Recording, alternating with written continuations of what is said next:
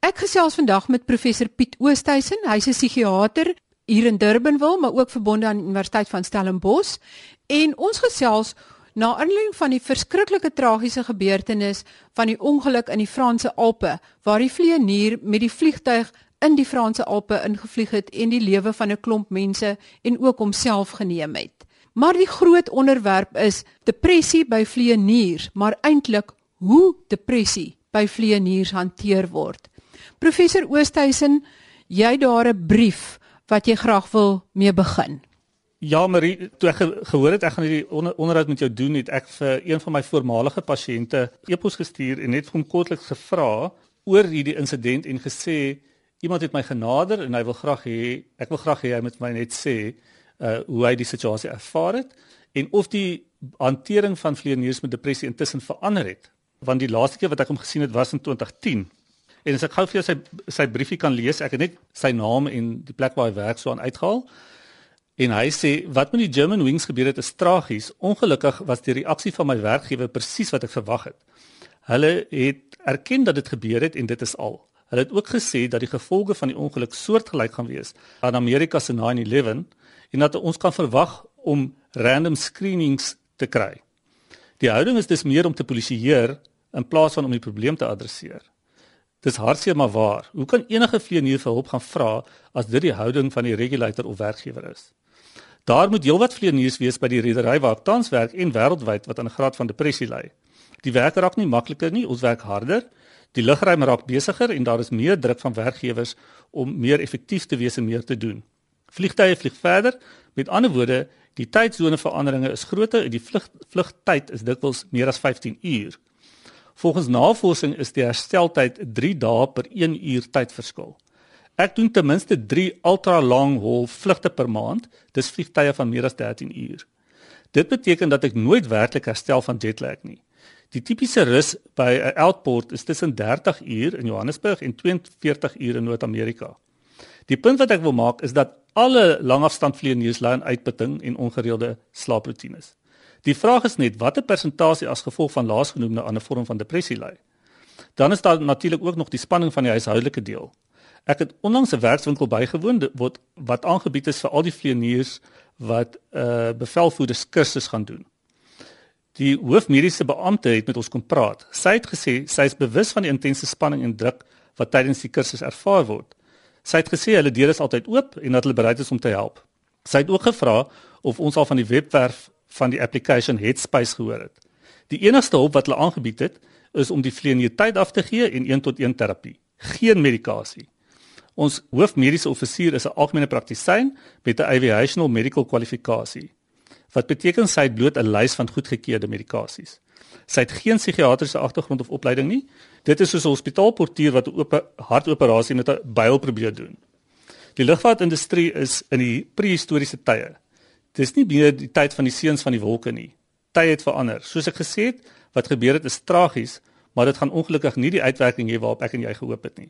Al wat gaan gebeur is dat die polisieering, psigometriese toetse en seker random bloedtoetse die norm gaan wees. My persoonlike opinie wat deur baie professionele en passionate pilots gedeel word, is dat die eerste offisier van German Wings nie 'n vlieënier in Murgenbeen was nie. Dit is nog 'n uitdaging waarmee ons met saamleef in die kajuit deesdae en 'n hele ander onderwerp. Nou hierdie brief sê eintlik dat daar 'n hopelose verkeerde en 'n argaïese benadering is tot die behandeling van depressie in vlieëniers, want sekerlik is vlieëniers net soos doodgewone mense en sommige ly aan depressie, maar hulle mag eintlik nie behandel word nie.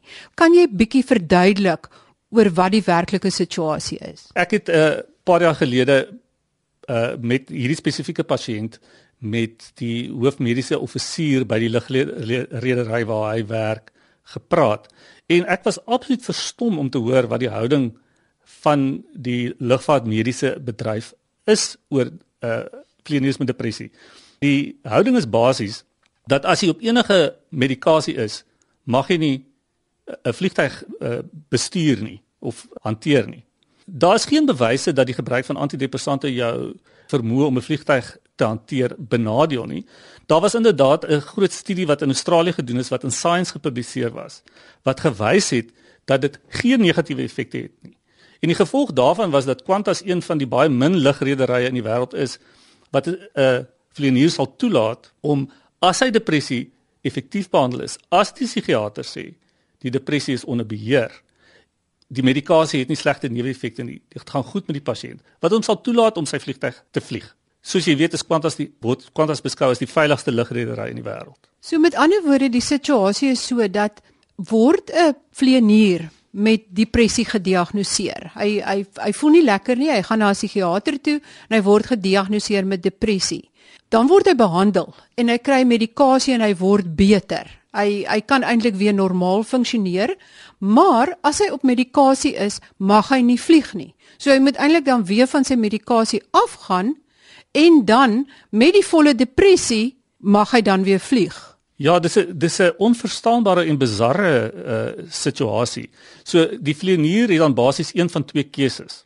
Die een is hy los sy medikasie, raak weer depressief en vlieg dan maar en sê vir niemand dat hy weer aan depressie ly nie. Of tweedens, hy vertel nie vir sy werkgewer die waarheid nie en drink nou maar sy pille skelm en dan word die ding maar net nie in die oop te gebring nie. En ek moet sê laasgenoemde is in my ervaring met vlieëniers wat ek al te doen gehad het, is eintlik wat die meeste van hulle doen is hulle betaal hulle besoeke by die dokter uit hulle sak uit, hulle betaal hulle pille uit hulle sak uit en hulle jok vir hulle werkgewer want hulle weet dat as hulle by die werkgewer sê dat hulle op medikasie is, word hulle um, van die vlugte afgehaal en Wat gebeur as jy nou met antidepressante drink soos wat meeste mense moet drink vir ekstensiewe lang tye vir 'n jaar of selfs langer? Dan mag jy vir 'n jaar lank nie vlieg nie. Geen werkgewer gaan vir jou vir 'n jaar lank jou salaris betaal sonder dat jy werk bloot net omdat jy 'n pil drink en jou laat by die huis sit nie. Met ander woorde, dit is soos iemand wat diabetes het.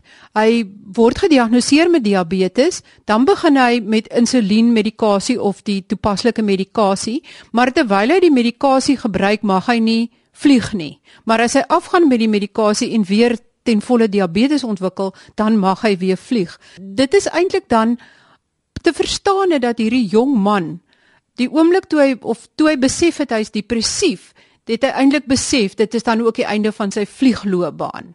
Want as jy depressief is en jou werkgewers weet dit, dan mag jy eintlik ook nie vlieg nie. Ja, ehm um, Marie, wat vir my interessant was oor hierdie German Wing uh, episode is die felheid van die oordeel wat mense oor hierdie man uitgespreek het. Die ondersoek is nog nie eers afgehandel nie. Niemand weet eers in hierdie stadium werklik wat die oorsaak was van hierdie ongeluk nie. En tog met die met net die bietjie inligting wat uitgelek is, sien jy die vitriool wat mense in die koerante skryf en hoe hierdie man veroordeel word as 'n moordenaar en wat ook al. En dit is nou maar klassiek ongelukkig die stigmatisering van uh depressie in die algemeen en psigiatriese siektes veral. Ja, soos Lizet Rabie geskryf het, dit is seker die slegste ding wat kon gebeur het vir die bewusmaking van depressie en dat mense behandeling vir depressie moet kry. Maar as mens gediagnoseer word met depressie en jy kry behandeling, wat is die kans dat jy normaal kan funksioneer?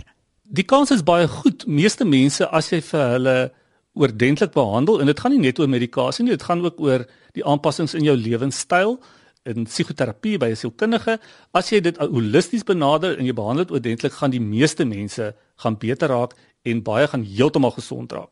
Gesond in die sin dat hulle simptome sal heeltemal in remissie gaan. Vir die meerderheid van mense ongelukkig wat aan depressie ly, is dit 'n herhalende toestand.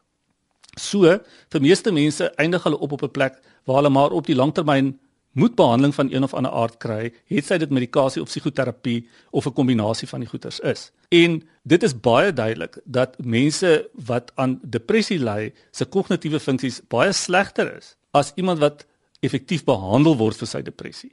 Jou kognitiewe funksies is baie beter wanneer jy effektief behandel word as wanneer jy nie op behandeling is nie. So sonder dat ons nou die besonderhede weet van wat gebeur het met hierdie vliegongeluk. Gestel die vlieënier was onder baie goeie behandeling.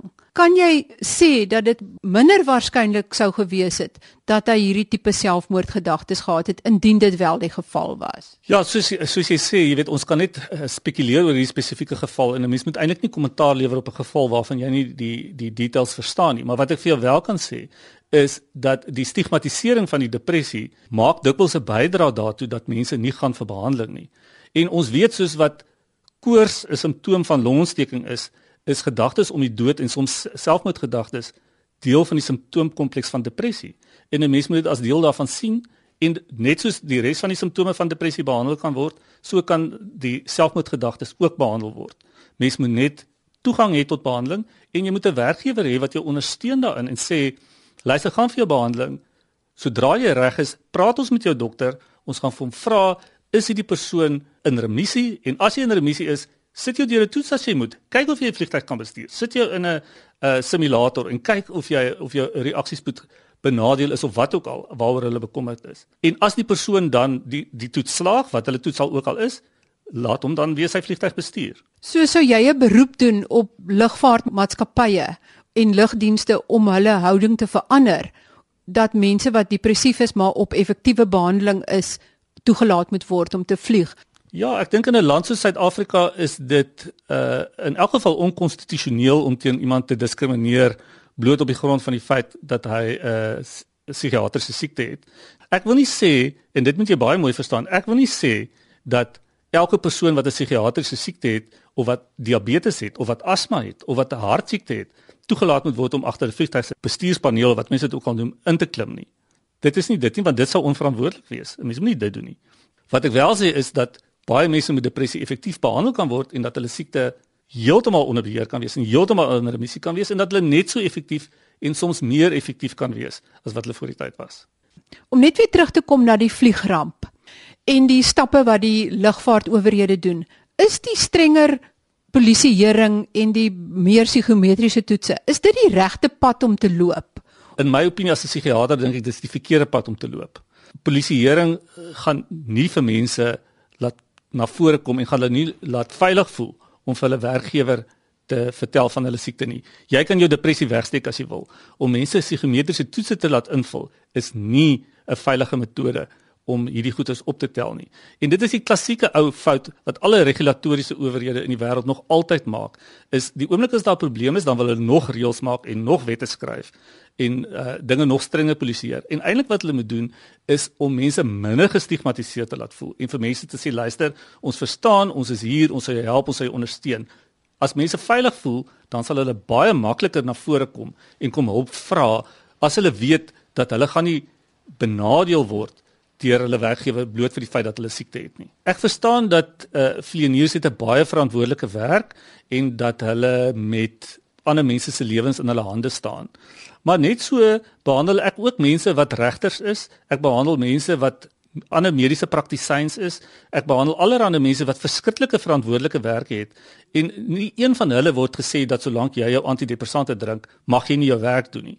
Daar word nie vir 'n regter gesê dat as jy op antidepressante drink, mag jy nie op die regsbank sit of vir 'n neurochirurg gesê as jy antidepressante drink, mag nie aan 'n mens se brein opereer nie. Daar's nêrens sulke reëls nie, want dit is belaglike reëls. Ons sit met 'n stelsel eintlik oor die wêreld behalwe vir Qantas met baie argaïese reëls as dit kom by die hantering van mense wat depressie het. Ek stem 100% met jou saam en ek dink as daar een goeie ding uit hierdie situasie uit kan kom, dan sal dit dit wees dat mense hierdie goed herëvalueer. Ongelukkig is die reaksie wat mense op die oomblik sien, is presies na die verkeerde kant toe. Kan jy dalk net die hoofsimptome vinnig lys, net sodat as luisteraars op die oomblik luister en daar's dalk 'n familielid of hulle self dat hulle net kan besef dat hulle dalk aan depressie ly en dus hulp moet gaan soek. Depressie is 'n komplekse siekte met baie simptome en dit lyk nie noodwendig dieselfde in elke persoon nie. So die klassieke simptome van depressie is eerstens dat 'n mens kan depressief wees, maar amper meer belangrik nog is die simptoom van dit wat ons noem anhedonie. Uh dit beteken dis 'n verlies aan belangstelling in goed wat van tevore vir jou sinvol en betekenisvol was. Saam met dit het mense dikwels veranderinge in hulle fisiologiese funksies, met ander woorde, 'n verandering in hulle slaappatroon, hulle slaap te veel of hulle slaap te min. Daar's dikwels veranderinge in hulle eetpatroon, hulle het verlies aan aptyt en gewigsverlies mees algemeen soms 'n toename. Mense sukkel dikwels met konsentrasie en geheue tydens 'n depressiewe episode. Hulle het dikwels ontoepaslike skuldgevoelens oor allerlei goeters. Hulle selfwaarde is baie laag. Uh mense het dikwels probleme met energie en dryfkrag en deursettingsvermoë en uh, dan het hulle uh soms gedagtes rondom die dood. Goed en die behandeling, wat is die nuutste in die behandeling? vir major depressie. Depressie is 'n komplekse siekte en daarom is die behandeling daarvan ook kompleks en moet holisties aangespreek word. 'n Mens kan dit basies in 3 groot groepe verdeel. Die eerste een is medikasie en medikasie is dikwels gewoonlik 'n belangrike deel van die behandeling van depressie en daar's baie antidepressante op die mark en jou dokter sal na aanleiding van wat jou simptome is en watse ander medikasie jy gebruik en 'n klomp verskillende uh redes besluit watter antidepressant die beste vir jou sal wees. Saam daarmee is psigoterapie 'n baie belangrike deel van die behandeling van depressie. Dis 'n integrale deel van die behandeling van depressie en ehm uh, dit behoort saam voorgeskryf te word indien dit enigstens moontlik is. En dan derdens is daar baie belangrike lewenstyl aanpassings wat mense moet maak. En dit is die ding wat ons gewoonlik die meeste mee sukkel. Dis my altyd ironies dat uh dokters in die algemeen en psigiaters uh, uitgekry word as mense wat net vir mense wil pille gee. Maar as ons vir mense vertel van die lewenstyl aanpassings wat hulle moet maak, dan ignoreer hulle dit en hulle drink net hulle pille. Dit is altyd my 'n baie snaakse ding. So die lewenstyl aanpassings is verskriklik belangrik. Soos byvoorbeeld, jy moet oefening doen. Nê. Nee. En jy kan nie 18 ure op 'n dag werk nie en jy kan nie nooit vakansie vat. En teen 'n uh, oormatige harde pas werk en dink jy gaan gesond raak nie. Dit sal nie gebeur nie. 'n Mens moet aanpassings maak. Soos as jy 'n pasiënt het met diabetes, Jy kan nie net insulien gebruik nie. Jy moet jou die, dieet aanpas. Jy moet oefen. Jy daar's 'n klomp veranderinge wat jy moet maak. So dis 'n ding wat holisties aangespreek moet word en uit 'n uh, klomp verskillende aanpassings in jou lewe nodig het. Sou jy sê dat dit belangrik is dat iemand wat uh, voel hy dalk depressie of hulp soek, dat daardie persoon by 'n psigiater uitkom en nie net by 'n gewone algemene praktisyn nie? Daar is baie depressies wat deur algemene praktisyns behandel kan word. Ek dink die die oorgrootste meerderheid van depressies is relatief ongekompliseerd en behoort op primêre vlak gehanteer kan word deur algemene praktisyns as die algemene praktisyn 'n belangstelling het in die hantering van psigiatriese toestande.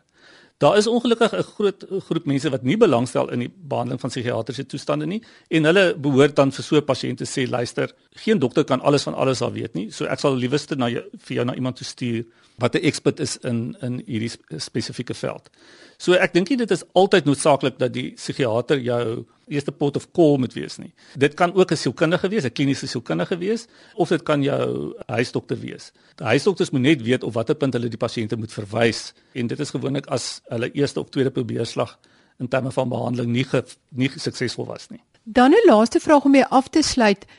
Reken jy dat depressie aan die toeneem is of was dit maar al die jare eintlik presies dieselfde? Daar is 'n bietjie kontroversie oor daai onderwerp. Daar is definitief 'n toename, maar die vraag is hoekom neem dit toe? En daar is mense wat baie sterk voel dat dit blootgaan omdat depressie minder gestigmatiseer is as van tevore. Daar is 'n ander groep mense wat sê nee, daar is definitief iets aan ons lewenstyl wat verander het en ek is een van die mense wat sê dat ek dink ons lewenstyl vandag maak mense depressief. 'n Mens se brein is nie ontwerp om te leef teen die pas waarteen ons leef nie en ons maak ons brand ons breine uit. Ek dink dis deel daarvan en dan is daar ander goeters waar, waarvoor daar minder bewyse is soos veranderinge in die eet en so aan wat moontlik ook 'n rol mag speel. Dit is aan die einde van vandag se gesondheid op RSG. Volgende week gesels ek met 'n oor neus en keel spesialis en ons gesels oor gehoorprobleme by kinders en by volwassenes. So moenie dit misloop nie. Tot volgende week dan. Totsiens.